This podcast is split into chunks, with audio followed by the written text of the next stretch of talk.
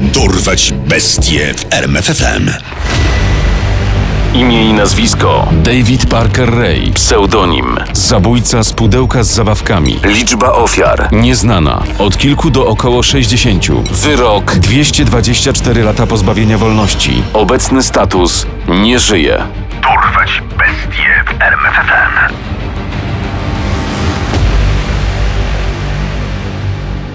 Bicze, łańcuchy, paski, paralizatory, fotel ginekologiczny, ostrza chirurgiczne, piły, lustra w suficie, pręgierz, kłódki to tylko niektóre z ponad 400 przedmiotów i narzędzi, które znaleźli śledczy w dźwiękoszczelnej przyczepie kempingowej porywacza, gwałciciela i niemal z całą pewnością seryjnego mordercy Davida Parkera Reya. To miejsce tortur wielu ofiar Ray nazywał pieszczotliwie pudełkiem z zabawkami. Mimo, że nigdy nie odnaleziono rozczłonkowanych i porzuconych w jeziorach i rzekach zwłok, amerykańska policja jest pewna, że Ray pozbawił życia kilkadziesiąt osób z Arizony i Nowego Meksyku. Nigdy nie został skazany za morderstwa, ale za porwania, gwałty i tortury dostał aż 224 lata pozbawienia wolności. Ten wyrok rodziny prawdopodobnych ofiar Reya uznały za sprawiedliwy. David Parker Ray urodził się 6 listopada 1939 roku w Belen w stanie Nowy Meksyk jako syn pierworodny pochodzącego z Oregonu Cecila Lilanda Reya oraz Nettie Opal Parker. Miał młodszą siostrę Peggy. Ich dzieciństwo nie było najszczęśliwsze. W domu panowała bieda, a ojciec często uciekał się do przemocy fizycznej wobec dzieci. W końcu, gdy David miał 10 lat, zdecydował. Od tej pory będzie was wychowywał dziadek. David i Peggy zamieszkali zatem na ranczu jeszcze surowszego niż ojciec dziadka. Chodziło także o względy finansowe. Rodzice nie mieli pieniędzy na to, by zajmować się dziećmi. To wszystko odbiło się na zachowaniu małego Davida. Był ekstremalnie nieśmiały, szczególnie wobec koleżanek, co powodowało, że często bywał obiektem szkolnych drwin. Szybko poznał smak alkoholu i zaczął eksperymenty z narkotykami. Pewnego dnia jego siostra odkryła, że nastolatek kolekcjonuje zdjęcia i sadomasochistyczne rysunki pornograficzne. Lubię zadawać ból kobiecie. Chłopak, który wypowiedział te słowa, miał zaledwie 14 lat.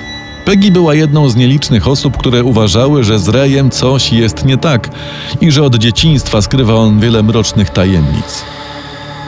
Po szkole średniej David został mechanikiem. W tym zawodzie odbył także służbę wojskową, wysłany do Korei, gdzie cieszył się opinią doskonałego fachowca. Po powrocie z Azji Ray wielokrotnie się przeprowadzał. Mieszkał m.in. w Oklahomie i na Alasce, ale nigdzie nie zagrzał dłużej miejsca. W 1993 roku trafił do Elephant Butte w stanie Nowy Meksyk i tam w końcu odnalazł swoją przystań. Znalazł pracę jako konserwator w parku stanowym i był szanowanym i lubianym kolegą oraz sąsiadem. Sprawiał tak dobre wrażenie, że nawet po jego aresztowaniu jego szef powiedział: Ja w ogóle nie wierzyłem, że on mógł być winny. No ja dałem mu urlop, czekając, że za chwilę wszystko się wyjaśni, że aresztowano w ogóle niewłaściwą osobę. Gorzej wiodło się Davidowi w życiu prywatnym. Kilkukrotnie wstępował w związek małżeński, ale wszystkie relacje z kobietami okazywały się nieudane. Jedna z żon urodziła mu dwójkę dzieci, Davida Juniora oraz Glendę zwaną Jessie.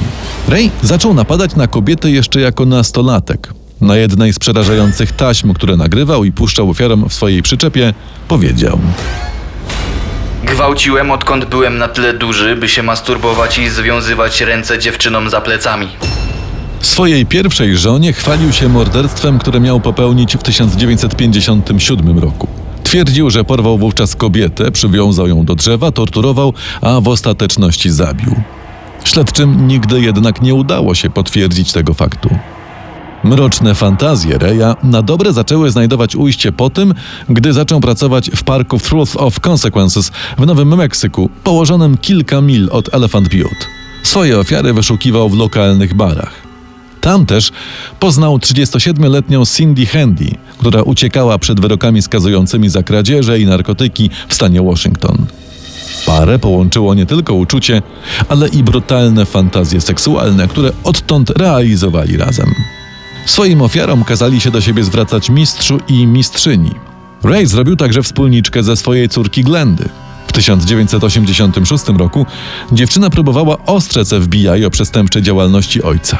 Po latach przypomniał sobie o tym jeden z agentów, Doug Baldon.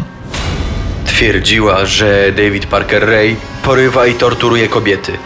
Jednak nie było na to dowodów, a te zarzuty były tak niekonkretne, że FBI nie było w stanie aresztować wtedy Raya. Ray i Cindy Handy zainwestowali około 100 tysięcy dolarów w przyczepę kempingową i jej niecodzienne wyposażenie, które stanowiły de facto narzędzia tortur. Po tym, gdy udało im się złapać ofiarę i gdy doznała ona szoku, widząc jak wygląda wnętrze przyczepy i domyślając się, co ją może czekać, Ray puszczał jej specjalne nagranie. Domyślam się, jaka jesteś przerażona, a to dopiero początek. Teraz będę się z tobą bawił. Następnie dodawał, że kiedy już on i jego partnerka skończą tę zabawę, ofiara zostanie odurzona kombinacją leków nasennych, które uczynią ją niezwykle podatną na hipnozę. Będzie nieprzytomna przez kilka dni.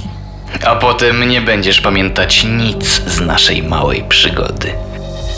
Nie jest pewne, ile ofiar miał na swoim koncie Ray. Śledczy uważają, że w ciągu swojego życia zgwałcił, torturował i zabił nawet 60 osób. W prowadzonym przez siebie dzienniku szczegółowo opisał, co zrobił każdej z ofiar, ale nie ujawnił, gdzie pochował ich ciała.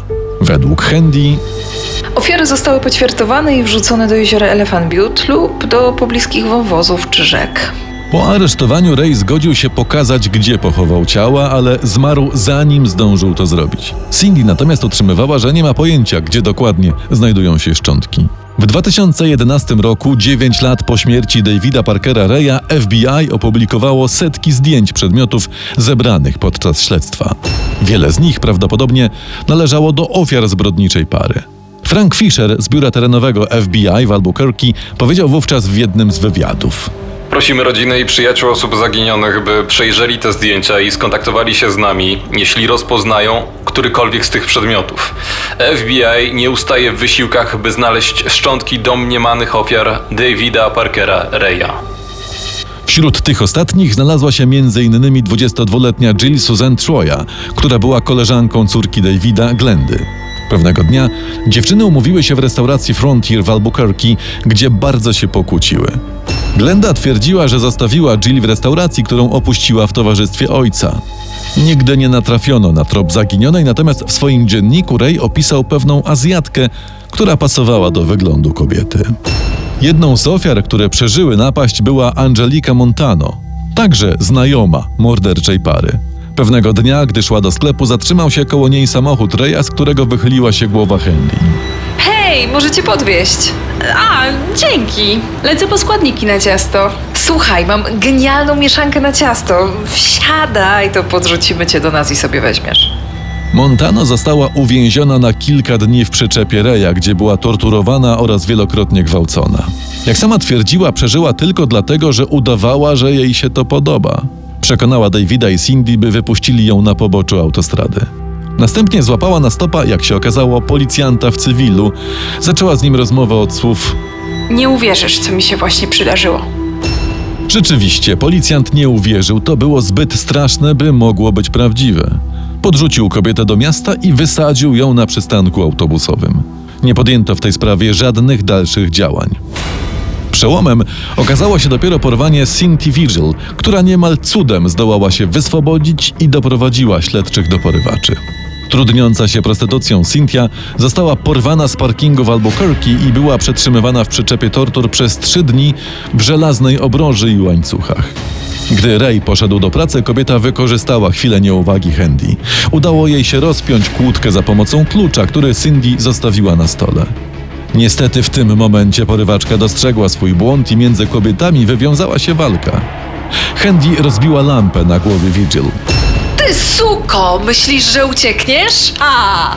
Rannej Cynthii udało się złapać szpikulec do lodu, którym para torturowała ofiarę i wbić go w ciało Cindy Handy. Następnie naga kobieta, mająca na sobie jedynie obroże i ciągnąca za sobą łańcuch, wybiegła na ulicę. Pędziła bez tchu, bezskutecznie próbując zatrzymać jakiś samochód lub wbiec do czyjegoś domu. W końcu zobaczyła otwarte drzwi w jednym z szeregowców. Oszołomiona właścicielka domu natychmiast wezwała policję. Naprowadzeni przez Vigil funkcjonariusze niemal w ostatniej chwili aresztowali Davida i Cindy, szykujących się w pośpiechu do ucieczki. Był 22 marca 1999 roku. Kiedy policjanci otworzyli drzwi do przyczepy, nie mieli wątpliwości, że Cynthia Vigil nie zmyśliła swojej koszmarnej historii. W pomieszczeniu zauważyli trumnę, a wszystko wokół przypominało izbę tortur. Aresztowani zaprzeczali, że są czemukolwiek winni. Chcieliśmy tylko pomóc naszej znajomej wyrwać się z uzależnienia od heroiny.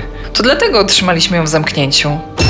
Pomimo wysłania około 100 śledczych na posesję zamieszkaną przez Davida i Cindy oraz szeroko prowadzonych działań, nie udało się znaleźć szczątków ani jednej z ofiar. David Parker Ray był sądzony w sprawie trzech przestępstw. Przeciwko Cindy Vigil, Angelice Montano i Kelly Garrett, która także była torturowana w przyczepie. Ostatecznie Ray poszedł na ugodę, której celem było złagodzenie kary wobec jego córki. Za uprowadzenia, gwałty i tortury otrzymał łącznie karę 224 lat pozbawienia wolności.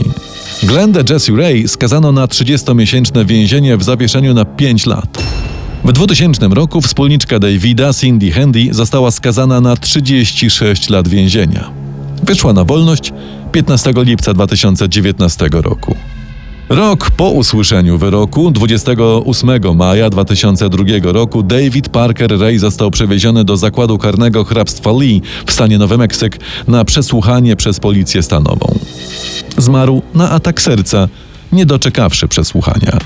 Jego ostatnia ofiara, Cynthia Vigil, ta, która doprowadziła do aresztowania morderczej pary, założyła Street Safe New Mexico, organizację non-profit pomagającą prostytutkom i bezdomnym. Poznaj sekrety największych zbrodniarzy świata. Dorwać bestie w RMFFM.